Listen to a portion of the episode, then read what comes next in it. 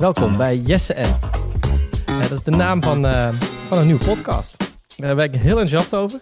Ik mag uh, iedere twee weken met mensen in gesprek die super interessant zijn, die mooie verhalen te hebben vertellen. En eigenlijk over veel onderwerpen waar vaak, vind ik, niet genoeg ruimte voor is tijdens mijn werk in Den Haag in het parlement. Vandaag met Rens van Tilburg. Dat is absoluut mijn advies aan jou en je collega's in Den Haag. Ga, uh, vergeet bezuinigen uh, de komende jaren. Ga in je programma's niks zetten over bezuinigen. Uh, hè, dus laten we hopen. Rens is een ster-econoom uit Nederland. Hij is de directeur van het Sustainable Finance Lab. En hij weet alles van monetaire financiering. Dat, dat, dat, dat is ook gewoon een gemiste kans. De ruimte die de centrale bank op dit moment geeft, die moet je wel grijpen als politiek. Zet niet gelijk de podcast af, want Rens gaat je helemaal uitleggen. Wat is dit? Wat betekent dit? En waarom is het relevant voor jou? Ontzettend fijn om met jou hier te zitten. Dank voor je tijd. Ik zit hier met Rens van Tilburg.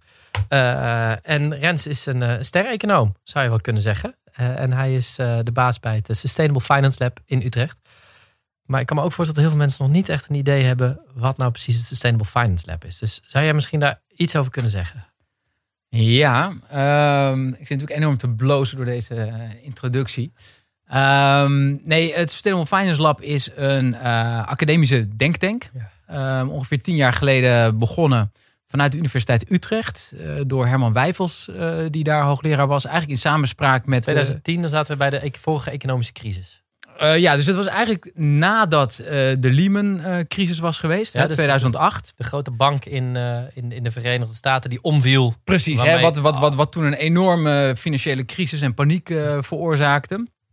Um, en wat overigens ook op dat moment een enorme reactie van overheden veroorzaakte. Dus die gingen, die gingen massaal en ook gecoördineerd, internationaal gecoördineerd, gingen ze de economie stimuleren.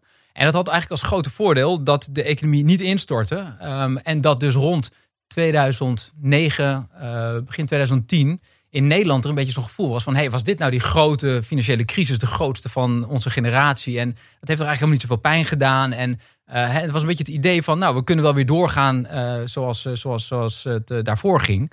Um, en op dat moment zaten Herman Wijfels, die dus hoogleraar was in Utrecht... met Peter Blom van de Triodos Bank... Uh, te spreken. Hè, dus de baas van die groene bank in Nederland. Mm -hmm. um, en die hadden allebei zo'n gevoel van... ja, maar Nederland heeft zo'n grote financiële sector... en die is eigenlijk zo hard geraakt al door deze crisis. Alleen we hebben het inderdaad overeind gehouden. Maar er moet heel veel gaan veranderen. Um, en daar, daar, daar, dat besef lijkt in Nederland eigenlijk een beetje te ontbreken. Want op dat moment had je in allerlei andere landen om ons heen... had je allemaal hele zwaarwichtige commissies die waren ingesteld... om, uh, om na te denken over de fundamenten van het kapitalisme. En alles moest anders, was daar het idee. Maar in Nederland was eigenlijk ja, het gevoel van... nou, dit viel wel mee, laten we gewoon weer lekker doorgaan hoe we bezig waren. En over duurzaamheid, dus de relatie tussen de financiële sector... en het verduurzamen van de, van de samenleving... daar had al helemaal niemand het over. Nou, dus hun gedachte was, daar moeten we wel iets mee gaan, uh, gaan doen... Um, en wat ze eigenlijk gedaan hebben toen is een uh, vijftiental merendeels hoogleraren bij elkaar geroepen van allerlei verschillende universiteiten in Nederland. Uh, van jongens, delen jullie eigenlijk deze analyse en zouden wij met elkaar ja, een soort van denktank kunnen gaan vormen, uh, nieuwe ideeën verzinnen over hoe het dan wel zou, zou moeten. Dus eigenlijk Sustainable Finance Lab, als ik het, doe ik het vast te kort, maar heel kort gezegd, het is een denktank van allemaal hoogleraren die nadenken over het, wat zijn de alternatieven voor hoe ons kapitalistisch systeem werkt. Ja, eh, absoluut. En, en, en, en, en, en uh, wat, wat denktanken altijd zeggen, we zijn een denk- en doe-tank. Uh, ja. nou, hè, dat, dat is in feite, we, wij proberen ook echt over, we proberen niet vanaf de zijlijn te roepen hoe het anders moet. Nee. Maar uh, ook onze ideeën gewoon bij, al bij het ontwikkelen. Ja. Um, echt te doen in samenspraak met uh, nou, de financiële sector, uh, de toezichthouders daarop, de beleidsmakers zoals jijzelf. Ja. En dus we zijn altijd heel erg in gesprek met al die spelers. Uh, maar komen uiteindelijk wel met een soort van nou ja, uh, academisch onafhankelijk oordeel. Van nou, wij denken ja. dat dit de koers is om. Hè, dus dat leggen we allemaal vast in rapporten. En daar organiseren we dan weer bijeenkomsten omheen. En uh, dat soort zaken. Nou, volgens mij, we zouden volgens mij twee dagen kunnen vullen met over al die onderwerpen te praten. Maar ik wilde vandaag heel graag met jou praten over monetaire financiering. QE, quantitative easing. We gaan het daar zo even over hebben wat het precies betekent. Je bent gewoon iemand die daar heel veel van af weet. Ik kan mij zomaar voorstellen dat mensen die nu zitten te luisteren, waar gaat dit over? Ik zeg eigenlijk zelf altijd, dit is de geheime reddingsoperatie eh, van het grote bedrijfsleven. Er wordt heel veel geld gepompt door centrale banken. Zoals de Europese Centrale Bank of de Amerikaanse Centrale Bank. eh, in het redden van, of het opkopen van schulden van grote bedrijven. Om hen te redden. Maar ik denk dat het goed is om te beginnen bij het begin. Wat is een centrale bank? Ja, was de centrale bank. Eh, ja, het is jammer dat je het woord quantitative easing gebruikt hebt. Want dat is volgens mij precies het moment waarop iedereen zijn eh, podcast heeft eh, uitgeschakeld. Maar goed, voor wie er nog We is. knippen het eruit. We precies, knippen het ah, eruit. als dat nog kan, heel goed. Nee, ja, goede vraag. Wat is een centrale bank? Dat is een hele, hele goede eerste vraag. Ehm, door de tijd heen, dat is denk ik één ding om belangrijk is om, om daarbij te beseffen. Als je die vraag door de, tijd, door de geschiedenis heen aan mensen had gesteld, dan heb je steeds hele verschillende antwoorden gekregen. Mhm. Dus de centrale bank is niet één gegeven iets. Eh, die verandert eigenlijk continu. Ehm, en eh, sterker nog, eh, als je twintig jaar geleden had gevraagd wat is de Europese centrale bank en wat doet die en wat, wat, wat, wat, wat moet die doen, wat zijn zijn doelen, wat zijn zijn instrumenten, had je hele andere antwoorden gekregen dan wat de ECB, de, de Europese Centrale Bank, op dit moment aan het doen is. Hè, sterker nog, als je had verteld tegen iemand tien jaar geleden wat de ECB op dit moment aan het doen is, Ja. dan zou die gezegd hebben, nou die moeten allemaal de gevangenis in als ze dat doen, want dat is, dat is zwaar illegaal. Maar zullen we kijken, zeg maar even, als we even, even een stapje terugnemen. Als je zegt, eh, door, de, door de geschiedenis heen is dit veranderd. Als Ja. we, eh, nou laten we niet te ver teruggaan, maar 50 jaar teruggaan in de tijd. Wat was toen de rol van de centrale bank? Ja, nou ik, ik, zou, ik zou wel ik- even een stap eerder gaan. hè. Ja, Dus eigenlijk eind 17e eeuw. Ja? Ehm, toen kwamen de eerste centrale banken. Ja. Even uit mijn hoofd 1668 in, eh, in Zweden. Dat is de Riksbank. Dat was de, de allereerste. En vrij kort daarna, 1694 geloof ik, kwam de Bank of England. Nou, en daarna zo langzamerhand kwamen bij anderen. Maar dit zijn eigenlijk de twee oer centrale banken. En die hebben ook in hun, eh, hun, hun ontstaansgeschiedenis laten ze eigenlijk zien de twee uiterste redenen om een centrale bank op te richten. Dat was namelijk de, te beginnen met de Riksbank. Eh, eh, eigenlijk zat daar een andere centrale bank voor. Eh, dat was namelijk een centrale bank die de eh, koning van Zweden had opgericht omdat hij gewoon geld nodig had. Hij wilde oorlog voeren, had geld nodig, niemand wilde hem geld lenen. Wat doet een koning dan? Dan richt hij een centrale bank op en die kan geld gaan geven aan hem, kan hij oorlog voeren. Nou, dat is helemaal verkeerd afgelopen. En toen hebben de Zweden gezegd... Wat nee, gebeurde er? Of verkeerd afgelopen? Wat, wat gebeurde er? Ehm, die bank, eh, hij gaf eigenlijk op, op dat moment het recht aan een private persoon. Ja. Eh, hè, want je had natuurlijk allerlei soort van banken. En die probeerden altijd een beetje tegen de koning Ja. aan te schurken. En te zeggen van, maak mij nou de bank, de bank der banken. Hè, want dat, dat- Ja. dan, dan moet mijn geld wel gebruikt worden. Hè. Dus daarvoor had je heel vaak dat iedereen gaf geld uit. Eh, en dan, dan nou, er waren er verschillende soorten geldstelsels tegelijkertijd. En dat is allemaal ingewikkeld. Dus je moest een soort van anker Mhm. hebben. Nou, er was dus iemand die was in staat geweest om die eh Zweedse koning zover te krijgen dat hij het recht kreeg om het officiële geld uit te geven. Ja, en wat er gebeurde was, die ging veel te veel van dat geld uitgeven. Dus, dus op een gegeven moment ontstaat er dan eh, te veel van dat geld. En dan, dan is er een. Hè, dat gaat even een tijdje heel goed. Dan voelt iedereen zich rijk en hij kan het allemaal uitdelen. Eh, maar er komt een moment dat mensen dan zeggen: ja, maar wat is dit geld eigenlijk nog waard als er zoveel geld is? Nou ja, en dan stort eigenlijk de boel, boel in elkaar.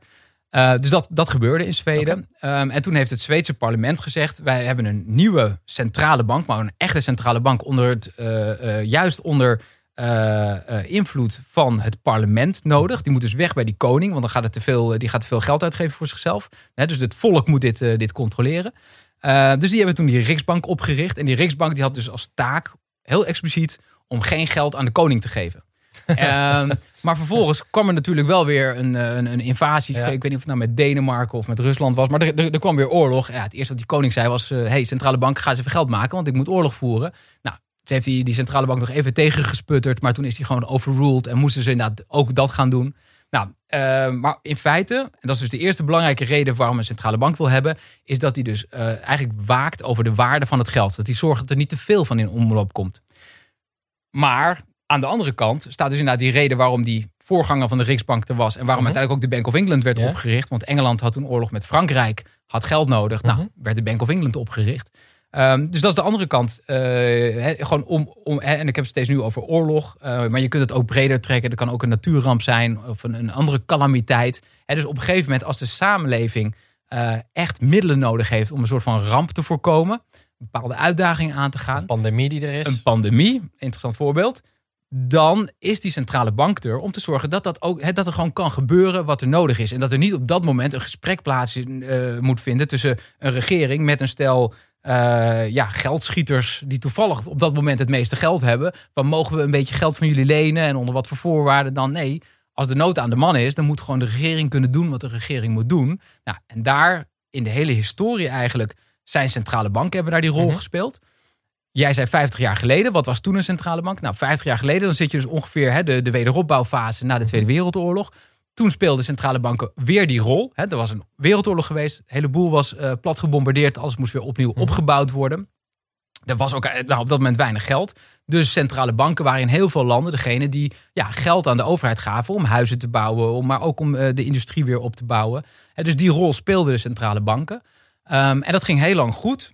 Totdat eigenlijk in de jaren zeventig er een economische crisis kwam. Hè, dat je ook de, de, de olie. Wat voor crisis was dat in de jaren 70? Nou ja, hè, dus je had toen de oliecrisis onder Ja. andere. Eh, dus dat was niet goed Wat voor was de... dat, de, dat was de autoloze zondag. eh, die kreeg je toen, hè? ja. Dus, dus dat, dat was de, de, de, de olielanden die in één keer zeiden van we gaan veel meer geld vragen voor de olie. We gaan een aantal landen ook geen olie meer geven. Dat was allemaal ook ge- geopolitiek.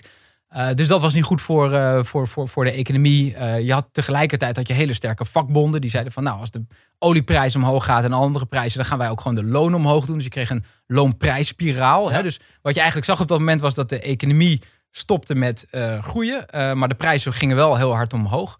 Ehm, en hè, dus die prijzen gingen omhoog, dus dat is die inflatie. Nou, dus dan, dan gaat eigenlijk die andere tak van de andere doelstelling van de centrale bank wordt in, heel, heel, in Even, nu, gaan, nu gaan we te snel, denk ik. Want we gaan nu naar, naar, nu gaan we naar inflatie. Volgens mij moeten we daar zo duidelijk toe. Dus eigenlijk zeg je, belangrijke taak voor die centrale banken is geldcreatie. Zorgen dat er geld is wat overheden kunnen gebruiken eh, om, om te investeren in die samenleving. En als we naar de geschiedenis kijken, is dat eigenlijk op, altijd op, in momenten van nood gebeurd. Of dat nou een oorlog was, of wederopbouw uit een oorlog, of als er een crisis was. Dat is eigenlijk het moment waarop de centrale banken hun rol is geëvolueerd. Ja, maar ze, ze, hebben eigenlijk twee rollen dus. hè. De ene Ja. zorgen dat er genoeg geld is. Ja. Aan de andere kant zorgen dat het geld wat er is, dat het ook zijn waarde Ja, behoudt. precies. En daar komt die inflatie eigenlijk om de hoek kijken. Dus Ja. we moeten wel zorgen. Eventjes heel, heel duidelijk. Inflatie. Wat is inflatie? Inflatie is, ja, ik vind de makkelijkste manier is gewoon dat de, de prijzen aan het stijgen zijn. Dus, dus, dus, 2 euro betaal je dit jaar voor een, eh, voor een brood. En volgend jaar is dat 2,10 euro. Precies, ja. Dat, is- dat, dat, dat, is, dat is 5% inflatie per jaar. Nou, dat is op zich nog te overzien. Het wordt problematisch op het moment dat het eh 10, 20, 30 of nou, hyperinflatie. eh, dus dat is dat, dat, dat je echt, eh, nou, het beroemde voorbeeld is dat er op een gegeven moment in Duitsland eh, dat, je, dat je een hele kruiwagen vol briefgeld moest meebrengen om nog een brood te kunnen kopen. Nou, dan begrijpt iedereen wel, dat is A niet heel erg praktisch. Ehm, maar als een brood de volgende dag zo ontzettend veel duurder is, dan ja, hoe, hoe, beleggen in brood. Precies, ja.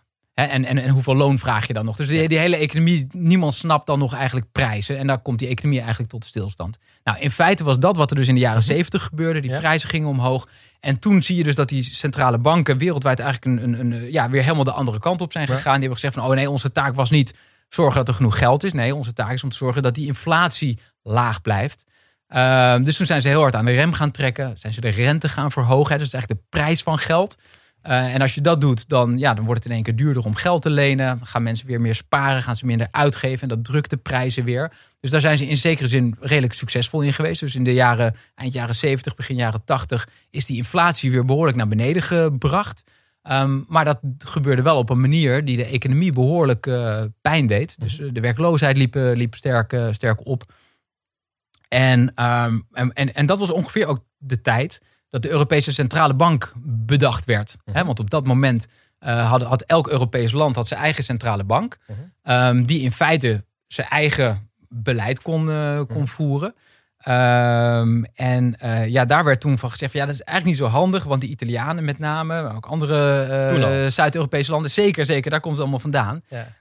Die hadden gewoon een centrale bank. Die zei van nou, tuurlijk, inflatie moet je niet al te hoog laten oplopen. Maar we vinden het ook niet erg als het, als, als als het een beetje oploopt. En eh, we kunnen altijd nog de munt devalueren. Eh, nou, dat gebeurde gewoon eigenlijk met enige regelmaat. Zeker in Italië, ook wel in Frankrijk. En op dat moment had je dan ja, bijvoorbeeld boeren in Nederland. Die zeiden van ja, maar dat is niet eerlijk. Hè, want wij maar hier heel hard proberen efficiënter te worden. Eh, en wat doen die Italianen? Die verlagen in één keer hop de munt en zijn in één keer een stuk goedkoper. Dus dat gaf ook gewoon spanning in Europa. Dat, eh, dat, dat, dat, dat dus fabrikanten, boeren in Nederland zeiden... ja, die interne markt in Europa, dat, dat, dat willen we eigenlijk niet meer... want het is gewoon oneerlijk. Nou, toen kwam dat Duitsland bij elkaar ging. Oost- en West-Duitsland. Dus we zitten nu even eind jaren 80, hè? Eind jaren 80. Begin jaren 90. Ja, ja, ja. Dus dat is eigenlijk een beetje de geboortegrond van de, van, van, van de euro. Want toen is er eigenlijk een hele grote deal gesloten. 1992 zitten we dan inmiddels? Nou ja, ja toen, toen werd het verdrag getekend. Maar, dit, maar dit is even de gedachte daarvoor. Dus 89 was eigenlijk het idee van, van, van die, eh, die, die eenwording van Duitsland. Ehm, en toen is er dus een deal gesloten tussen Duitsland en Frankrijk. Dat uh, Frankrijk zei van oké, okay, wij staan het toe dat er uh, één Duitsland komt. Maar dat wordt dan zo machtig in, uh, in Europa. Uh, daar, moeten we, daar moeten we iets tegenover zetten. En wat we er eigenlijk tegenover willen zetten is... we willen dus die, die monetaire macht... die ontzettend sterk zou worden... en die erop zou uitdraaien... en daar hadden de Fransen gelijk in... dat iedereen maar de, de Duitsers moest volgen. Die gaan we bij Duitsland weghalen. En daar maken we een Europese uh, besluitvorming van. Nou, dat is uiteindelijk de Europese Centrale Bank geworden. Dus al die centrale banken van de, van de eurolanden... die zijn opgegaan in één Europese Centrale Bank... -huh. Uh, bestaande uit een eigen bestuur, klein bestuur. Met daaronder dan eigenlijk de, de, de presidenten van de verschillende centrale banken. Dus er bestaat nog steeds een Nederlandse bank. Maar de Nederlandse bank die kan niet zelf meer zelfstandig geld creëren. Die moet dat doen in het kader van het, het eurosysteem. Uh, en wij sturen dus uh, Klaas Knot in dit geval, de president van de Nederlandse bank. Die sturen we eens in de zoveel tijd naar Frankfurt, waar die de andere bankpresidenten treft. En dan besluiten ze van wat voor, wat voor beleid gaan we voeren. Hey, dit, volgens mij dit is in een, in een vogelvlucht even de geschiedenis van de centrale banken. We zijn nu halverwege jaren negentig. Ja. Uh, Als je nog één, ding aan toe mag voegen. Ja, zeker. Want, want wat dus wel heel cruciaal is, dat, dat de Europese Centrale Bank, die is eigenlijk gevormd op het moment dat dus uh, uh, ja, de, de, de, de, het communisme in elkaar stortte. Ja. Uh, hè, dus dat was de tijd van de end of history. Hè, Ja. dus, dus, dus er, is maar, er is maar één systeem wat werkt. Ja. Dat is het kapitalistische systeem. uh, zoals we dat nu georganiseerd hebben. Um, met hele onafhankelijke centrale banken die eigenlijk maar één doel hebben. Namelijk die inflatie bestrijden. Um, en op dat moment moesten de, de statuten geschreven worden van de Europese Centrale Bank. Dus dat is daar heel sterk ingeschreven. Hij moet heel onafhankelijk zijn. Het gaat vooral om de inflatie. Of het gaat eigenlijk enkel om de inflatie. Um, terwijl de oudere centrale banken, zoals die, de, de, de Fed, zoals dat heet, van Amerika, de Bank of England, die hebben eigenlijk allemaal een dubbele doelstelling. Waarbij ze dus aan de ene kant moeten zorgen uh, lage inflatie, maar aan de andere kant hoge werkgelegenheid of economische groei. He, dus dat, die, die hebben die twee kanten in hun mandaat zitten. En de ECB is wat dat betreft dus een internationale uh, ja, uh, outsider. Die heeft die prijsstabiliteit als primaire doel. En hij heeft een aantal secundaire doelstellingen meegekregen. Maar ja, die zijn zo secundair, daar wordt eigenlijk niet vaak aan gedacht.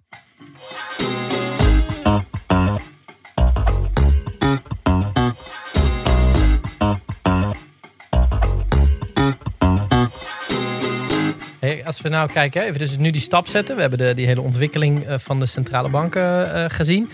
Uh, er is een discussie in Europa eigenlijk, of er gebeurt nu iets. En dat vind ik heel interessant om, met jou over te praten. Om dat beter te snappen en ook dat de luisteraars dat zien. Dat gaat inderdaad over het, monetaire beleid, het creëren van geld. Er is een discussie in Europa gaan. Zou dat wel of niet moeten? Jij geeft al aan, het is heel. Het, het, het, verdrag wat er is, is er eigenlijk best wel helder over.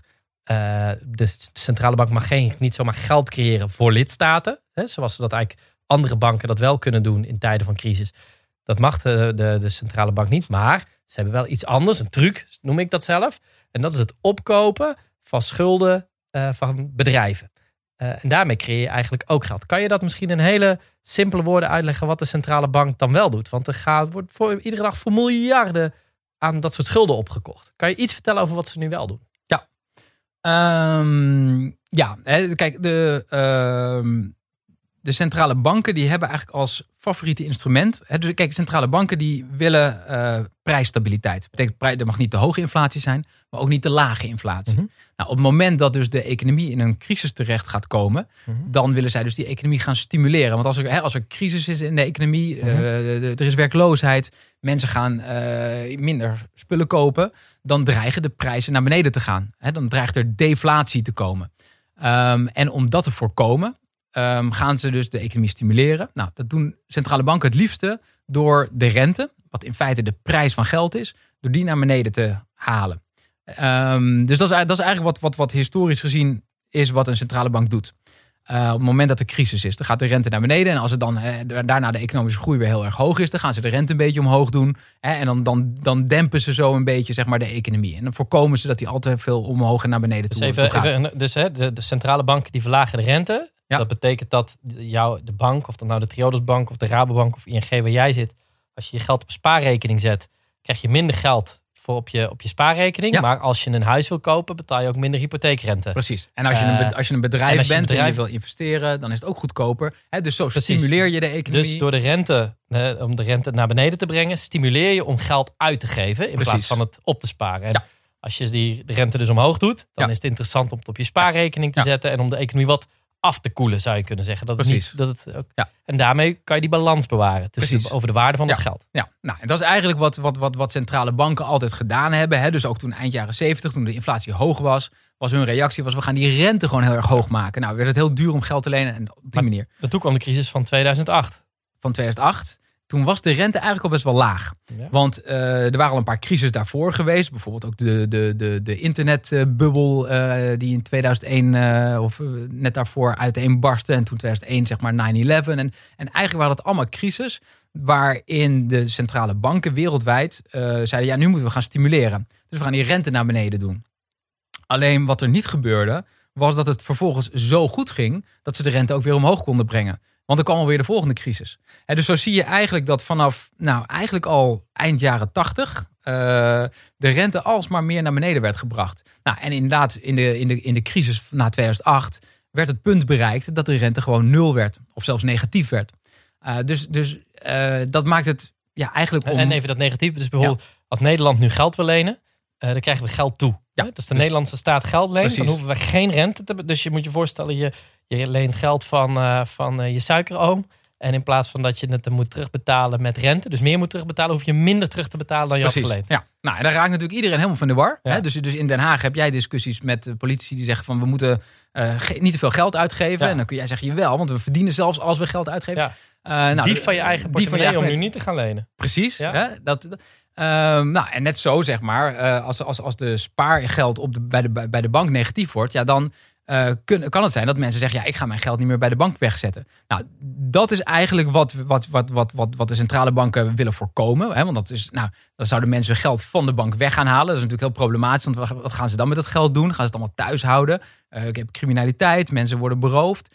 Uh, maar er is ook een probleem, want banken die hebben dat spaargeld van mensen weer nodig om bedra- aan bedrijven uit te lenen. Dus als dat daar verdwijnt, gaat dat ook weer spaak lopen. Dus om, Om even goed, hè, voordat we daar niet aan voorbij gaan. De rol van banken, gewone banken, we hebben het nu niet over centrale banken, maar Ja, gewoon de huistuin- en keukenbank, banken. commerciële banken, wat ik noemde net. ABN, Rabo. ABN, Rabo, ING, de- banken die we net niet noemden. Hopelijk hebben ze dan allemaal genoemd. Eh, die, die hebben spaargeld. Van, eh, dus je, die Ja. zetten, die- je salaris komt op zo'n bank terecht. En je, je doet iedere maand wat sparen. En doordat zij dat hebben, kunnen zij, kunnen zij geld weer gaan uitlenen. Dan kunnen ze meer uitlenen dan wat er eigenlijk bij hun in de boeken staat. En dat is ook een geldcreatie. Daarmee zorgen ze dat er geld in de economieën komt. Dus hoe minder spaargeld bij die banken, dat is eigenlijk wat je zegt. Hoe Ja. moeilijker het is voor die banken om nog leningen aan bedrijven te geven of aan mensen die een huis willen kopen. Ja, en wel om precies te zijn, banken kunnen inderdaad gewoon zelf ook geld creëren. Hè? Dus niet alleen de centrale bank kan dat. Sterker nog, in gewone tijden wordt bijna 95% van het geld wordt gecreëerd door de Rabobank en de ING. Ja, voordat mensen in de war raken misschien, dat is dus niet dat ze hun eigen euro's drukken, maar dat ze geld kunnen uitlenen, dat ze schulden kunnen uitgeven. Dat is wat met geld creëren wordt bedoeld. Ja, maar kijk, dus het meeste geld wat we nu gebruiken om elkaar te betalen, dat zijn ook geen tastbare euro's Nee. meer. Dat gaat allemaal eh, digitaal. Ehm, maar die euro's, die digitale euro's, die kunnen ze, die banken gewoon creëren. Dus als jij, als, als, als jij een huis gaat kopen en je, je, je neemt een hypotheek bij een commerciële bank, dan creëren zij gewoon uit het niets eigenlijk dat geld. Dus dat verschijnt bij hun aan twee kanten op de, op de balans. Eh, zo wordt eigenlijk het geld meestal gecreëerd. Ehm, maar hun balans, die moet wel altijd in balans zijn. Dus ze moeten evenveel bezittingen als, eh, als, als verplichtingen hebben. En het spaargeld van mensen zit aan die verplichtingenkant. Dus als dat in één keer weggehaald wordt, ja, dan ontstaat er wel een probleem bij banken. Precies. Dat, hè, dus, nou, dus dat is de reden dat de centrale banken zoiets hebben van... ja, we kunnen niet veel verder naar beneden met die rente. Mhm. Het kan niet nog veel negatiever. Dus was de vraag, ja, wat moeten we dan gaan doen om die economie te gaan stimuleren? En die vraag die was in eh, Europa eh, eigenlijk na de eurocrisis Mhm. eh, heel acuut geworden. Ehm, en toen heeft de ECB besloten om dan toch maar te gaan doen wat eigenlijk al in de jaren daarvoor door de Amerikaanse en de Engelse centrale bank was gedaan. Mhm. Namelijk zelf dan maar grootschalig geld dat systeem inbrengen. En inderdaad, zoals je aangaf, daar, er staat heel expliciet in het Europese verdrag dat ze dat geld niet aan de overheid mogen geven. Uh, hè, ze mogen niet zeggen, nou oké, we, we, vinden dat er uh, 100 miljard extra de economie in moet. Dus we creëren dat, we geven dus aan er is, er is nu een discussie in Nederland over of mensen in de zorg extra geld moeten krijgen. Uh, erbij moeten krijgen. Ik vind dat dat moet gebeuren, maar dan kan niet de centrale bank zeggen dat gaan wij betalen. Dat mag niet volgens het Europese nee, verdrag. Dat mag niet zo direct. Nee. Um, dus dat gebeurt ook niet. Nee. Maar inderdaad, daar is wel iets op gevonden, zoals jij aangaf. Um, en dat is dat de uh, centrale banken zeggen: Nou, oké, weet je wat we dan doen? We brengen extra geld het systeem in. Hè, dus dat systeem, mm -hmm. de markt in. Maar ja, daar moeten we wel iets voor kopen. Um, uh, en wat we dan opkopen, dat is staatsschuld. Hè, dus jij, jij, gaf ook aan, er wordt ook bedrijvenschuld gekocht. Dat mm -hmm. gebeurt ook wel. Maar dat is eigenlijk maar een klein deel van het opkoopprogramma. Het overgrote deel van het opkoopprogramma is het opkopen van uh, ja, bestaande staatsschuld van Europese landen. Zoals Nederland, zoals Italië. Nou, noem maar op.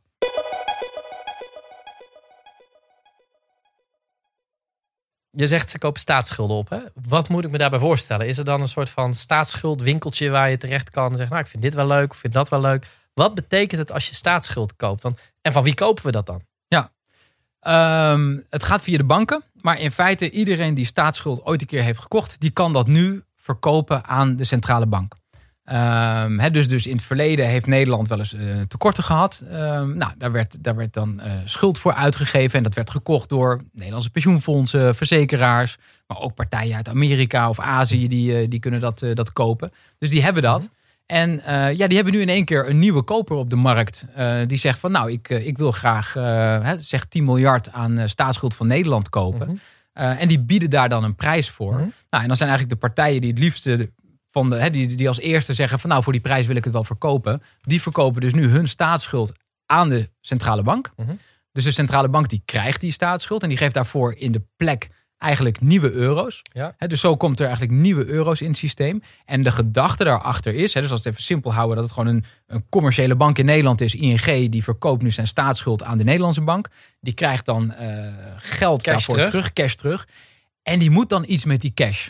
Uh, hè, en de gedachte is, die gaat die cash dan gebruiken om weer nieuwe leningen uit te zetten in de, in de economie. Ik ga het weer volstrekt veel te simpel maken, maar het is een beetje, je hebt uh, uh, het, het, speelgoed van je kinderen wat, wat over is, waar ze niet meer mee spelen. Je zet het op marktplaats. Daardoor krijg je, heb je minder spullen in huis, dat is top. Ja. Heb je weer geld, krijg je weer terug en dan kan je weer iets nieuws verkopen. Precies. Dat is eigenlijk wat er gebeurt met die, met die staatsschulden. Toch? Ingewikkelder dan dat is het niet. Nee, en daarmee kunnen die banken dat dus weer uitgeven aan nou ja, als, je, als je het over je kinderen hebt, zou je nieuw speelgoed kunnen kopen. Zij kunnen dat weer uh, andere leningen uitgeven. Bijvoorbeeld aan bedrijven om te kunnen investeren. Dus Precies. dat gebeurt er met die staatsschulden. Ja, en, en dat is dus de theorie. He, dus de Precies. theorie is, die banken die gaan dat geld weer uitgeven. En dat komt dan in de economie terecht. Ja. En dan gaat, he, gaat die economie gestimuleerd worden. Komen er weer banen bij voor mensen. En zal uiteindelijk daardoor ook de prijs weer wat meer omhoog gaan. En dat is uiteindelijk waar die centrale bank om te doen is. He, dus die zegt, hey, die inflatie is te laag aan het worden. Ja. dus de centrale bank heeft als doel dat de inflatie ongeveer 2% is, hè, net iets, ietsje lager. Uh, de, de inflatie is de afgelopen 10 jaar gemiddeld Mhm. genomen 1% geweest. Hij is ook wel eens bijna 0% geweest. Op dit moment is hij ook weer volgens mij wat, wat lager dan 1%. Hè, dus dus de, de centrale banken die hebben de afgelopen jaren, en dat is overigens wel een hele belangrijke, die hebben dus ontzettend veel dingen gedaan waarvan daarvoor altijd gezegd werd van nou mogen ze dat wel doen. Um, maar desondanks zijn ze hun belangrijkste doelstelling, namelijk die 2% inflatie bereiken, bereiken ze niet. Nee. He, dus, dus er is allerlei discussie over. Met name ook in Duitsland zijn er allemaal Ja. mensen die zeggen van dit mag je niet doen. Uiteindelijk is ook, ook het antwoord van de centrale bank, en dat is denk ik terecht, is die zegt van joh, we hebben onze doelstelling nog niet eens bereikt. Dus we hebben deze instrumenten blijkbaar nodig. Tenzij jij een idee hebt welke instrumenten we Maar- kunnen gebruiken die effectiever zijn. Um, en uh, waarmee we onze doelstelling Maar beter Rens, Je bereiken. had het over de praktijk, zeg maar, de theorie en de praktijk. Ja. Dus, dus we hebben het, eh, het speelgoed, we hebben de, de, Ja. de staatsschulden, die worden nu we hebben verkocht via Marktplaats. Dus Ja. we kunnen, het, het geld kan weer terug naar de kinderen. Ja. Maar gebeurt dat ook? Nee, en dan zal ik even om, om, jouw voorbeeld van, van het speelgoed uh, door te Ja. gaan. Uh, hè, dus jij hebt, uh, jij hebt wat geld gekregen voor een oud, oud driewielertje wat je verkocht hebt. Uh, wat ga je dan met dat geld doen? Ga je daarmee een nieuwe driewieler kopen? Uh, en daarmee dus eigenlijk die economie stimuleren? Of ga jij denken van ja, maar wacht even. Ik, hè, de kinderen die houden het nog wel even zonder een nieuwe driewieler uit.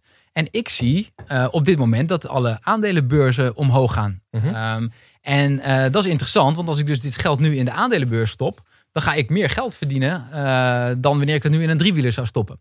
En dat je dat gaat doen. En dat is in feite wat je gezien hebt dat er de afgelopen jaren gebeurd is. Dus dat nieuwe geld wat de centrale banken het financieel systeem inbrachten. Vanuit de gedachte dat gaat dan in die echte economie terechtkomen. naar gewone mensen, naar bedrijven gewone mensen, waar mensen werken. Precies. Daarvan dachten die financiële spelers, die dat geld kregen van de centrale bank. Ja, maar wacht eens even, we kunnen nu twee dingen doen. We kunnen het gaan uitlenen aan een MKB'er.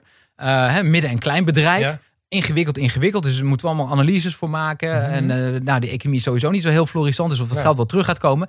Maar er is een alternatief. We kunnen het geld ook gewoon in de aandelenmarkt stoppen. En dan is de kans vrij groot dat we er juist meer geld uit gaan krijgen. Is dat wat fantoom... Er is net een boek uitgekomen van Sander Heijn. Is dat wat er met fantoomgroei eigenlijk wordt, wordt bedoeld? Dus dat er wel economische groei is, maar dat het niet bij gewone mensen terechtkomt? Nou ja, sterker nog, dit, dit leidt niet eens tot, eh, tot, tot economische groei. Hè? Dus dan als, als alleen maar de, uh, de, de, de aandelenbeurs omhoog gaat, dan zie je dat nog niet eens direct terug in, de, in je economische groeicijfers.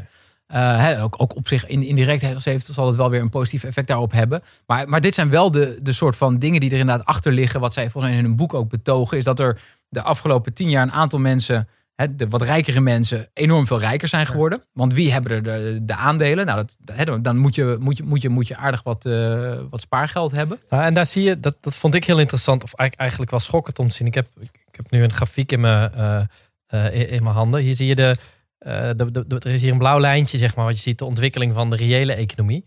En dan het verschil met hoe de aandelenbeurzen zich ontwikkelen. Ja. ja dat, is, dat is vrij schrikbarend. Hè? Ook als je nu kijkt naar de aandelenbeurzen, die zijn in maart, toen de crisis begon, zijn die in elkaar gestort. Uh, en nu zijn er eigenlijk heel veel alweer uh, bijna hersteld. Sterker nog, de beurs in Amerika, de S&P 500, die staat alweer, die staat eigenlijk alweer hoger dan dat die, ja, dan dat die stond in een, een nieuw record. Terwijl we allemaal weten dat er een enorme crisis aankomt. Dus dat is gewoon een bubbel. Dit, moet een keer, dat moet een keer barsten. Uh, ik heb er zelfs naar gekeken. ja, je ziet een aantal bedrijven die het heel goed doen.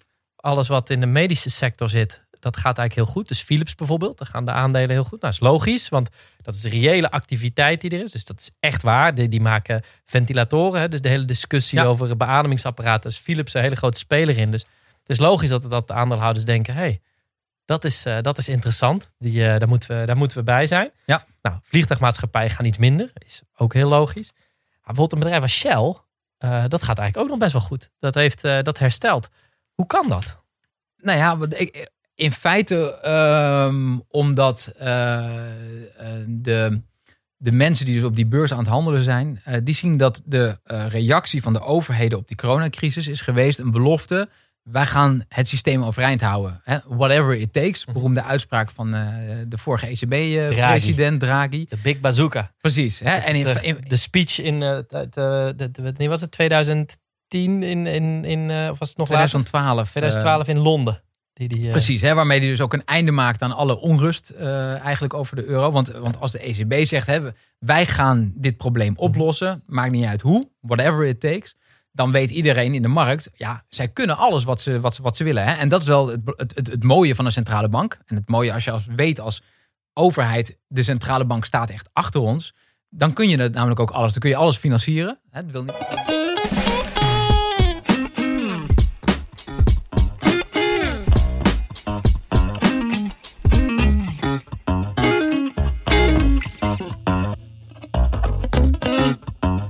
Maar even als we het langs de andere kant aanvliegen. Uh, we zien nu, uh, het, het, het, we begonnen er eigenlijk mee, ook, ook wat het doel is van Sustainable Finance. In ieder geval hoe ik zelf in de politiek zit.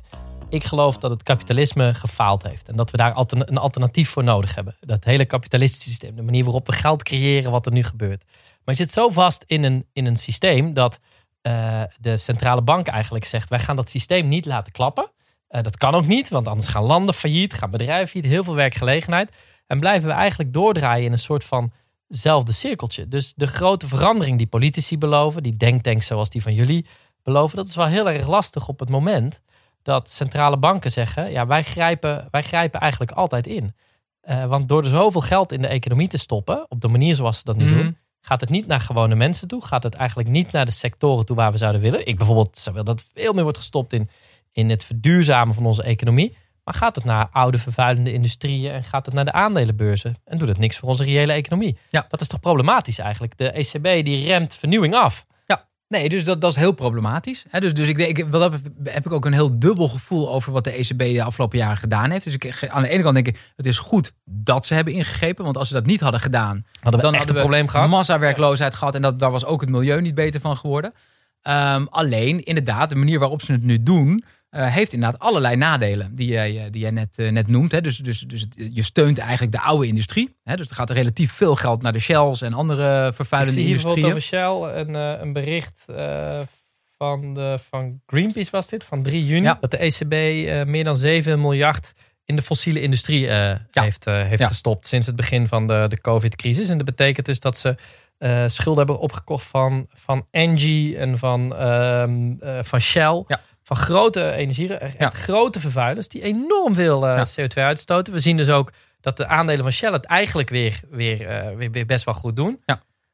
Nou ja, Hoe dus- kan dit? dit? Dit past toch niet, ook niet bij het mandaat van een, van een centrale bank eh, nee, dus, dus om die oude industrie te Ja, steunen? nee, dus mijn, mijn antwoord is ook van wat de centrale bank op dit moment doet, de ECB, dat past gewoon niet bij hun mandaat. Hè? Want, want hun primaire doelstelling, prijsstabiliteit, nou die bereiken ze niet. Hè? Dus, dus aan de ene kant, het is gewoon ineffectief wat ze doen eh, om, dit, om die prijs omhoog te krijgen.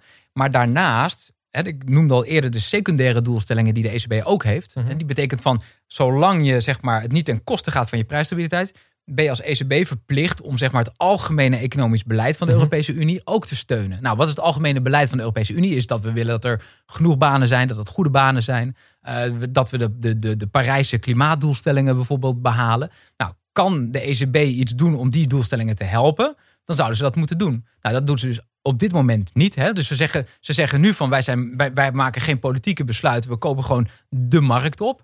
Maar de huidige markt, ja, daar zijn dus die vervuilende spelers heel groot in. Dus die maak je dan op die manier eigenlijk nog sterker. Maar er is een alternatief. Oké. Ehm, En het alternatief heeft eigenlijk twee elementen. De ene is dat je zegt van we gaan wel degelijk sturen. We, we, we erkennen dat we op dit moment juist de oude vervuilende industrie aan het versterken zijn. En we gaan, we gaan daar juist minder van kopen. En we kopen meer van de, van de nieuwe vernieuwende bedrijven. Eh, hè, en dan, dan, dan, dan, eh, dan, dan, dan stuur je de economie eigenlijk de goede kant op. In lijn met je secundaire doelstellingen. Mhm. Eh, en dat hoeft helemaal niet ten koste te gaan van, van die primaire doelstelling, van prijsstabiliteit. Maar ehm, ik zou nog een stap verder willen gaan en zeggen van het is niet alleen maar dat je dus met je huidige opkoopprogramma die kant op gaat. Mhm. Maar je moet ook zorgen dat dat geld veel meer echt in de echte economie terechtkomt. Want laten we wel wezen, het opkopen van aandelen eh, of, of obligaties die al bestaan, dat geeft niet die bedrijven echt extra geld om nieuwe dingen te doen. Ehm, hoe je dat wel zou kunnen doen, is als je bijvoorbeeld een eh, nieuw uitgegeven obligatie van de Europese investeringsbank of de Europese Commissie, hè, wat dus nu het voorstel is van de Europese Commissie, die zeggen van we, moeten, we hebben een herstelfonds nodig en we gaan dat financieren door zelf nieuwe schuld uit te geven. Nou, op het moment dat je dat opkoopt, dan komt er echt nieuw geld in de economie. En het interessante is nu dat in, in, in, in Brussel, maar ook bijvoorbeeld dus in Luxemburg, waar die Europese investeringsbank zit, daar zijn eigenlijk alle plannen van wat, zouden, wat zouden wij nou doen als wij in één keer heel veel geld hadden, gaat allemaal in de richting van verduurzaming. Nou, in feite heb je dus niet zo'n enorm grote ja, eh, ontwikkeling nodig van wat we nu doen Om het die kant op om het te die kant op te krijgen. Dus ik, mijn stelling is zelfs Ja. dat als wij dit gesprek over een jaar hebben. Ja. dat wij kunnen gaan vaststellen dat dit gebeurd is. Dus jij zegt eigenlijk, ik maak me grote zorgen. Jij zegt, Jesse, rustig aan. Het komt goed. Nee, niet, niet rustig aan. Ik denk, Ja. dit is het moment juist om er als politiek ook een hoop kabaal over te maken. Maar er is gewoon een heftige discussie gaande in centrale bankland over hoe moeten we dit gaan aanpakken. En dus, dus, dus, dus eh, Christine Lagarde, de nieuwe president van de Europese Centrale Bank, Mhm. toen die eind vorig jaar begon, toen eh, had ze in één keer een hele andere toon dan Mario Draghi, die, die, al, die al die duurzaamheid en echte economie maar een beetje onzin vond. En zij zei van, hè, uiteraard, als het kan, moeten wij meehelpen die beweging te steunen. Maar dat is, dat is goed dat je dat zegt. En ik, ik hou van de positieve, de positieve kant. Dus daar gaan we zo dadelijk ook. En daar, daar gaan we, ik beloof aan alle luisteraars, daar gaan we ook mee afsluiten met die positieve noot.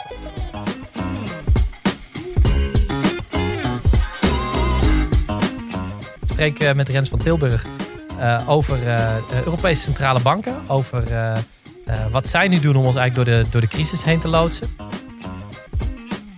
De centrale bank, dus de ECB, die, die grijpt nu die grijpt in in de economie om, de- om ervoor te zorgen dat er voldoende wordt geïnvesteerd. Het instrument wat ze hebben is dan wel staatsschuld opkopen, Ja. dan wel schuldpapier van grote multinationals. Dat zijn de, de twee, dat zijn de twee Ja. manieren waarop Maar ze dat ja, en, en de, kunnen Europese, de Europese investeringsbank, hè? Dat kunnen, ja, ja dat zeker. Nee, maar wat anders. Of, eh, even, om even hierbij. Even, we blijven heel even hierbij. Komen we straks de investeringsbank. Dus dat is, wat ze, dat is wat ze kunnen doen.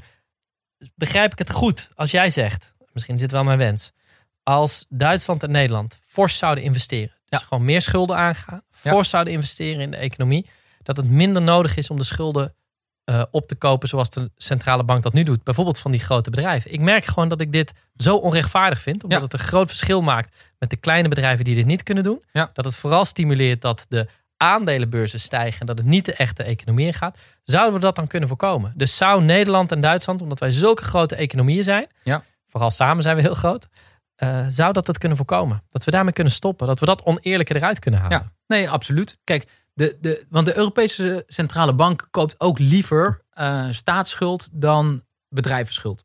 Eh, de reden dat ze bedrijvenschuld zijn gaan kopen is omdat gewoon op een gegeven moment het staatsschuld min of meer op was.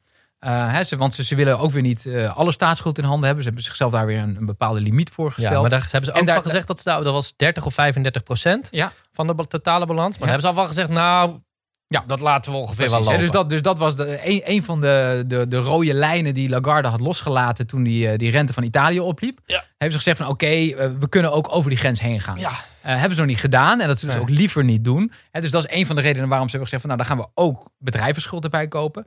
Ehm, maar, maar, maar het liefst zouden ze ook gewoon staatsschuld kopen. Eh, maar dan moeten dus, de staten moeten dan wel dat, ja, die schuld aangaan. En dat is dus niet alleen Nederland en Duitsland. Dat kunnen dus ook Spanje en Italië. Die kunnen dat ook gewoon Alleen het is doen. verstandiger als wij doen, want we hebben een lagere staatsschuld. En onze Precies. economieën zijn sterker. Precies, hè? want dat is de reden waarom ze in Zuid-Europa daar wel terughoudend in zijn. En dat kan me ook heel goed voorstellen. Is die denken van ja, maar straks over twee, drie jaar, als deze crisis voorbij is, dan zegt de ECB van nu gaan we, nu stoppen we ermee. En als dan de rente bij ons oploopt, ja, dan kunnen wij geen kant op. Ehm, en, dan, en dan krijgen wij zeg maar. eh, Kan ik het vergelijken met wat er nu gebeurt? In, ik, ik heb verschillende vrienden. Dus sommigen hebben vaste banen. Die kwamen in de coronacrisis eh, terecht. Dus die zaten thuis. eh, moesten thuis wat werken. Soms minder werk. Maar er kwam iedere maand hetzelfde binnen. Alleen ze konden niet meer uit eten. Niet meer Ja. uit. Niet naar een feestje. Dus ze hielden geld over. En ik had vrienden die hadden... ZZ, of ik heb vrienden, het zijn ZZP'ers. Daar droogden de inkomsten op. Die zaten ook thuis. Maar dat was meer huilen. Want waar is mijn inkopen komen en hoe moet ik nu verder? Het is heel verstandig van deze ZZP'ers, lees de Zu- Zuid-Europese landen, eh, om misschien niet te veel geld nu uit te geven. En inderdaad te, soms te moeten bezuinigen. Terwijl de mensen bij wie het geld blijft binnenkomen, ja, blijf vooral je geld uitgeven. Als jij inderdaad lid was van een sportclub en je kan nu niet sporten, die uitgaven zou je toch wel doen. Ja. Eh, eh, laat, hem alsjeblieft, laat hem alsjeblieft doorlopen. Als je toch uit eten zou gaan, ga dan nu het eten afhalen. Is dat eigenlijk wat we daarmee bedoelden te zeggen? Als je economisch er sterk voor staat, zorg ervoor dat je geld blijft uitgeven en investeren. Ja. Als het wat minder goed met je gaat, ja, dan moet je, kan je niet anders vaak dan ja, niet te veel uitgeven en op de rem staan. Ja. Dat is eigenlijk ook wat we in Europa vragen. Ja, nee, absoluut. Hè. En, en het- het is eh, bij landen zelfs zo. ehm, het, het, het gevaar is dat ze in Zuid-Europa nu minder gaan investeren in de kracht van hun economie. Ja. Ehm, waarmee ze dus naar de toekomst toe ook nog weer nog armer worden en minder kunnen verd- verdienen. En dus ook minder van onze producten kunnen kopen. Dus dat is een hele belangrijke van we zijn, we zijn één Europese interne markt. En daarom is het voor ons ook gewoon van belang dat ze Ja. deze crisis nu goed doorkomen. En want wat ik het, wat ik het meest ja, eigenlijk schokkende voorbeeld vond. En, en ook heel treffende illustratie van hoe dom het is om zo op die bezuinigingen in te zetten. Mhm. eh, was wat er gebeurd is in Griekenland eh, bij, de, bij, de, bij de eurocrisis. Was dat op een gegeven moment, ja, de Griekse overheid moest zoveel bezuinigen. dat ze dus de, eh, de leraren, de leerkrachten. die gewoon bij de basisschool voor de klas stonden. die moesten ze naar huis sturen. Ja. Dus wat had je dan? Dan had je dus zeg maar eh, leerkrachten die werkloos thuis zaten. en leerlingen die thuis zaten en die dus niks leerden. Nou ja, wat doet dat met de, de, de, de, de verdienvermogen van zo'n economie? Hè? Nog los van, Ja. van, van, van, van, van, van wat, eh, hoe, hoe eerlijk is dat voor die kinderen? Eh, hè, dat, dat, is, dat is zo kortzichtig beleid. En eh, je ziet dus ook dat er gewoon de investeringen eh, in het Zuid, in Zuid-Europa sterk zijn teruggelopen die laatste, Ja. de laatste tien jaar. Ja, en dat moeten we echt voorkomen bij deze crisis. Maar wat je dus zag in Griekenland is dat wat daar is gebeurd in de crisis, is dat inderdaad de- degene die de, de belast, voor wie de belastingen zijn verhoogd en de salarissen zijn verlaagd, dat waren eigenlijk alle mensen in overheidsdienst. Want daarvan wisten ze hoeveel belasting ze betaalden, dus daar kon ze het van verhogen. Eh, daarvan wisten ze ook hoe ze de salarissen omlaag moeten krijgen. Maar docenten, verplegers, politieagenten, die hebben allemaal ja, wat zeg, 600 euro per maand. Dat, is, dat, dat kan je gewoon niet. Ja. Dat is minder dan de AOW in Nederland. Uh, het is echt, echt bizar wat daar gebeurde. En dat vind ik wel, en dat zie je deze crisis nu weer gebeuren. Vandaar dat ik heel graag over dit onderwerp met jou wilde spreken. Uh, is gewone mensen betalen de rekening. En dat is in Nederland ook gebeurd. Met de bezuiniging op de zorg, de bezuiniging op de hele publieke, eigenlijk de hele publieke sector. Uh, en ja, als we niet oppassen, gaat dat deze keer weer gebeuren. En om eerlijk te zijn, Rens, en ik ben echt altijd een optimist en ik ga ervoor knokken om dat anders te maken. Ik zie in hoe we deze crisis nu aanpakken, dat we op hetzelfde pad raken als toen. We geven nu heel veel geld uit. Honderden miljarden worden er in de economie gepompt. De ECB, eh, dat doet de overheid met alle schuld die we nu, uh, nu aangaan. We, de, de centrale bank die koopt allerlei schulden op. Maar binnen nu en twee jaar zal je zien dat het toch de rekening weer bij burgers wordt neergelegd. Als we niet werkelijk iets veranderen. Daar zit wel een grote zorg. En ik zie bij de ECB nog niet echt die veranderingen. Bij de Europese Commissie niet. Eigenlijk, ja, ik, dus ik ben blij met jouw optimisme. Maar waar, ik probeer te proeven waar dat vandaan komt. Ja, kijk, wat, wat, um, waar het vandaan komt is dat de boodschap van de centrale banken heel lang is geweest van uh, overheden gaan jullie nou het geld uitgeven. Wij zorgen wel dat dat kan. Maar dat, dat, was, van, dat, dat was al vanaf 2010. Uh, dat ze dat nee, zeiden. Nee, nee, want, want, want, want, want uh, nee, kijk, in, deze, in, in 2011 is er iets gebeurd, zeg maar. Dat was toch dus de voorganger van Draghi, Trichet, ja. Fransman, die was toen president. En uh, toen ging het dus wat beter met de Europese economie. En toen hebben ze de rente verhoogd. He, want, want ze hadden zoiets van, die, die rente is zo dicht bij nul, we willen graag dat die weer hoger. En daar, daar is toen enorm allergisch op gereageerd door de financiële markten. Toen gingen in één keer al die rentes omhoog. Toen is eigenlijk ook die, die, die, die Griekse crisis echt helemaal geëscaleerd. Um, uh, dus dus de, de Europese Centrale Bank, hè, dus dat is die zuinigheid die er ook in mhm. zit. Uh, die, die zat er toen al behoorlijk hard in. Nou, vervolgens is er eigenlijk sindsdien, is er uh, een, een, jaar lang was de vraag van, ja, wat gaat er, wat gaat er nou gebeuren? en pas vanaf het moment dat Draghi dus zei, whatever it takes, toen pas dachten de markten, oké, nu heeft de centrale bank duidelijk aangegeven, wij gaan wel helpen. Nee, sorry, laat ik het... En, en, en alleen, wat er toen dus niet goed ging, was dat de overheden geen geld gingen uitgeven. Precies. En, en, en dat is iets wat anders is nu.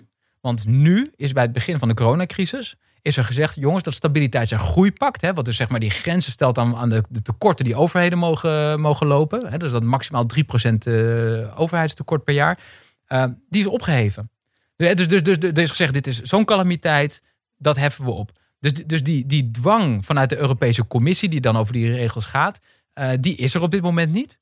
Um, dus dat laat ruimte aan, ook aan Italië, ook aan Spanje, om hun tekort op te laten lopen. Het zou verstandig zijn van Nederland en Duitsland als zij hun tekort lieten oplopen en dat geld deels ook zouden gebruiken om het zuiden te helpen. Of wat de Europese Commissie nu voorstelt, die zegt van nou laat ons dan geld gaan lenen en dan kunnen wij dat naar het zuiden toe brengen. Ik denk dat, dus dat, dat is heel belangrijk dat we naar die kant op gaan. Um, maar het, de sleutel ligt dus wat dat betreft bij de politiek. De centrale banken die hebben in zekere zin die hebben die sluizen opengegooid. Ja. Die hebben zelfs gezegd, politiek ga dit doen. Um, dus, dus ik denk dat de bal wat dat betreft wel meer bij de, centra uh, bij de, bij de politiek ligt. He, dat laat onverlet dat, dat wat de centrale banken doen met hoe ze de, die, die, die obligaties opkopen. Dat ze daar meer naar de duurzaamheid zouden kunnen gaan kijken. Uh, is ook helemaal niet ingewikkeld. Dat is, dat is echt aan een paar, paar knopjes draaien. En, en in één keer, in plaats van dat ze te veel Shell kopen, kopen ze dan juist weer meer van, uh, van, de, van de duurzame bedrijven. En dan sturen ze de goede kant op. Dat is echt, dat is, dat is eigenlijk peanuts voor hun om dat te veranderen. Dus ik, ik en, en, en nogmaals, uh, ik, ik, ik hoor veel centrale bankiers ook die kant op denken op dit moment. Dus ik verwacht ook wel dat daar echt iets, iets, iets positiefs gaat, gaat gebeuren. Maar ik, nogmaals, ik zou. Ik zou de, maar als we weten dat, dat 70. Kijk even in, in verhouding, hè? Nou, mm -hmm. laat het 10, laat het 20 procent zijn. Als we weten dat 70 procent van de werkgelegenheid in Nederland van het MKB komt. Dan is toch alles wat daaronder zit en wat naar steun voor deze bedrijven gaat weinig? Ja. Ja.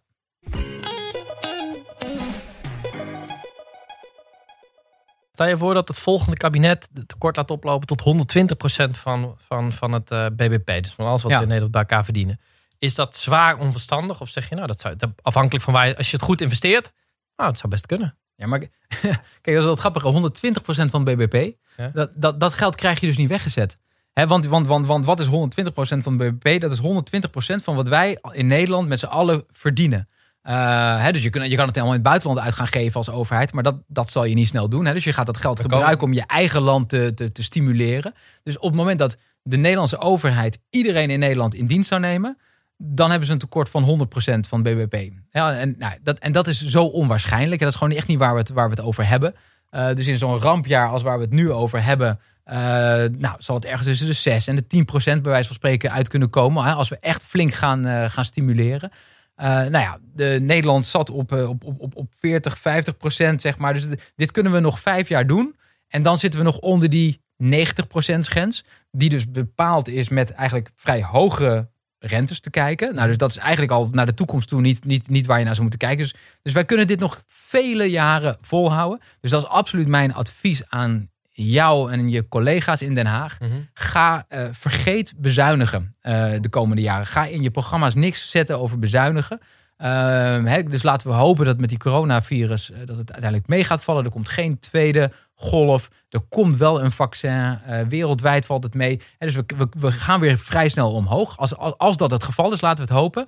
Dan nog uh, heeft deze economie een enorme klap gekregen. Uh, de economie was al niet erg gezond voor de coronacrisis. Hè? Dus die, die economie is ook al de afgelopen jaren met een hele hoop soort van uh, ja, spuiten in de, in de benen, zeg maar, sterk gemaakt op een vrij kunstmatige manier. Hè? Dus denk aan de belastingverlagingen van Trump bijvoorbeeld. Hè? Dat zijn allemaal van die die dingen die maken het eventjes uh, heel, uh, heel krachtig, zo'n economie. Maar ondertussen neemt de, uh, ja, het, de, de, de schuld in Amerika mm. verder toe. dat, dat gaat ooit weer omgedraaid worden. Dus, dus we hebben best wel een, um, een zwakke economie. En die heeft dus de komende tijd gewoon wel die steun van de overheid nodig. Nou, ik kan je wel verklappen, in ons kiesprogramma, wij gaan niet bezuinigen. Er komen enorme investeringen. De grootste, waar, ik het meest, waar wij het meeste mee bezig zijn en over nadenken, is hoe doe je dat verstandig? Kijk, ik noemde 120 procent. Dat betekent dat er 60 procent aan uh, staatsschuld uh, uh, bij zou kunnen, zou kunnen komen. Dat, dat is... Dat, dat krijgen wij zelfs, precies wat je zegt, dat krijgen we niet, dat krijg je niet weggezet. Het laat wel zien dat hoeveel je nog kan investeren in je economie en hoeveel ruimte er is. De vraag is wel om dat heel verstandig te doen. En wat ik nu zie is, er wordt heel veel geld uitgegeven. We hebben 100 miljard in zes maanden wordt er ongeveer uitgegeven. Dus 100 miljard even in, in verhouding. De totale Nederlandse begroting is 300 miljard. Dus dat is een derde van wat we eigenlijk in een jaar uitgeven. Dat geven we nu zo zonder te kijken, bop, eh, wordt dat uitgegeven. Dat snap ik, want je moet de economie stutten. Maar het doet nog niks aan het versterken van onze structuur. Dus we moeten uh, enorm gaan investeren in, ik denk, het duurzamer maken, in het eerlijker maken. Dus hogere salarissen voor de publieke sector hoort, daar, hoort daarbij. Meer investeren in onderwijs, in duurzame ontwikkeling, nieuwe vormen van energie dat zorgt ervoor dat we straks onze economie weer sterker is. En dat we ook weer kunnen groeien en dat iedereen daarvan, uh, iedereen daarvan kan, kan profiteren. Um, maar dat is wel een, een, grote stap die we moeten zetten. Uh, en ik denk dat we daarbij wel ook moeten realiseren dat heel veel oude industrie het niet gaat redden. Uh, en dat de manier waarop er nu wordt gehandeld eigenlijk toch heel veel op gericht is om die oude industrieën overeind te houden. Of het nou de centrale banken zijn of de ingrepen van de overheden. Eigenlijk gaat het erover de gevestigde belangen te laten, te laten winnen. Uiteindelijk, degene die echt last hebben van deze crisis, zijn ZZP'ers die hun, ba die hun opdrachten verliezen. Maar iedereen die dik in de aandelen zit. Als je gewoon kijkt naar de, naar de, naar de grafieken, is er niks aan de hand. Dus iedereen die al heel veel geld had, daarvoor is deze crisis geen enkel probleem. Jeff Bezos is nog nooit zo rijk geweest. Um, dus ja, dat doorbreken, dat is, wel, dat is wel de kunst. En dat vraagt nog iets anders natuurlijk. Ook in je hele belastingbeleid wat je, wat je gaat voeren. En de, en de aanpassingen, die we, ja. de aanpassingen die we daar doen. Ja, maar dat is, dat is het soort van sturen wat inderdaad echt aan overheden is. Dus dat wil je ook niet aan. De, je wil niet dat de centrale bank gaat bepalen welke kant het op moet gaan. Die moet, de centrale bank moet volgen wat de, wat, wat de, de, richting die de overheid geeft. Hè, nogmaals, nu zijn ze aan het tegensturen. Dus, dus daar moeten ze mee ophouden. Maar ze moeten wel gewoon de, de overheid volgen. Maar het is inderdaad heel belangrijk. Hè? Dus met Sustainable Finance Lab hebben we ook uh, twee weken terug een, een open brief aan de politiek in Nederland uh, uitgebracht. gelezen. Ja. En daar zeggen we ook van, ja, we moeten nu wel van het steunen van dat wat er is uh, overgaan naar ja, richting geven. En, uh, en dat doe je dus onder andere door voorwaarden aan die, aan die steun te verlenen. Um, en bijvoorbeeld dus inderdaad te zeggen van ja, we gaan dus mensen niet langer uh, betalen om niet te werken, omdat ze niet aan de slag kunnen in een vervuilende industrie. Maar we gaan dat geld inzetten om ze om te scholen en om ze te stimuleren om te gaan werken in nieuwe, duurzame tak, bedrijfstakken. Uh, en en dat, dat is denk ik de grote uitdaging voor de komende jaren. Om als politiek om daar een slimme koers in, uh, in te vinden. Van waar gaan die mensen dan terechtkomen? En dat is natuurlijk een enorme uh, uitdaging om dat goed te organiseren. Om te zorgen dat die scholing op orde is. Dat je naar de juiste plekken dat, dat geld brengt. En aan de andere kant is het ook weer geen rocket science. We hebben in Nederland een klimaatakkoord afgesproken. Dus er zijn een heleboel investeringen waar eigenlijk iedereen het over eens is. Neem bijvoorbeeld het energiezuinig maken van de woningen. Dat, dat moet gewoon gaan gebeuren in welk toekomstscenario dan ook. Uh, het is ook geen heel ingewikkeld werk. Uh, hè, dus, dus, dus, dus zet nou die mensen die nu op dit moment hun baan kwijtraken in de bouw en in andere technische beroepen. Ga die omscholen, zodat ze daaraan kunnen bijdragen. Nou, en dan kunnen ze de komende jaren hartstikke nuttig werk doen. De overheid hoeft echt niet bang te zijn dat ze een te groot tekort daardoor lopen. Um, maar het, het, het, wat, wat mij zo zenuwachtig maakt is in Nederland is er zo'n ontzettende ja, een soort van Calvinistische, Calvinistische inslag. Niet te veel, ja. En, en, en dat, dat is volgens mij het grote gevaar voor, uh, voor, voor, voor Nederland. En, en, en om dan toch nog even een linkje te maken naar de centrale bank. Dat zullen ze dus ook in Frankfurt in hun glazen toren daar met, eigenlijk met, uh, ja, met afgrijzen aanzien als er in Nederland dan toch weer een nieuwe minister van Financiën komt die zegt van we gaan de broekriem weer aandoen, we zijn ons huishoudboekje moet op orde komen. Hè? Als dat soort geluiden er komen, dan uh, ja, dat, dat, dat, dat is ook gewoon een gemiste kans. Want de ruimte die de centrale bank op dit moment geeft, die moet je wel grijpen als politiek. Ja, helder. Ik denk dat het gewoon een hele mooie afsluiting is eigenlijk van deze, van deze podcast. Ja, heel graag gedaan. Uh, we hebben het uh, een, een, dik uur gehad over quantitative easing. Zonder het uh, quantitative easing te noemen. complimenten. Veel dank. Ik hoop dat het voor iedereen heel helder was. Ja, nee, complimenten ook voor jou als interviewer. Ik gaf aan dat het is het moment waarop iedereen afschakelt. Dus ik denk dat het heel goed is dat we dat woord niet gebruikt hebben. heel goed, dankjewel.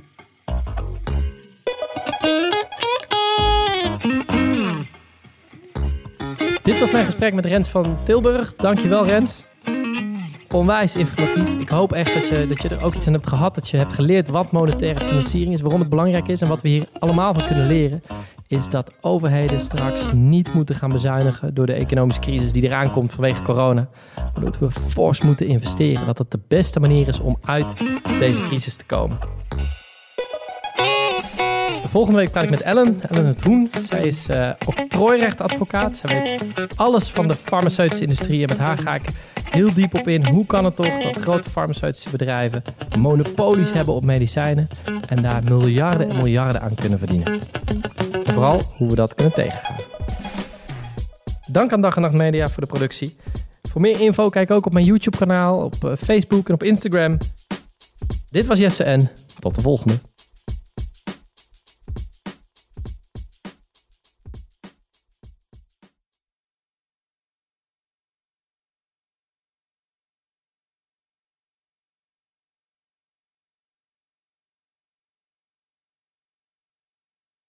Identiteit, al je identiteiten, die zijn van jou uh, en van niemand anders. Het is aan niemand anders te bepalen hoe je daar invulling aan geeft.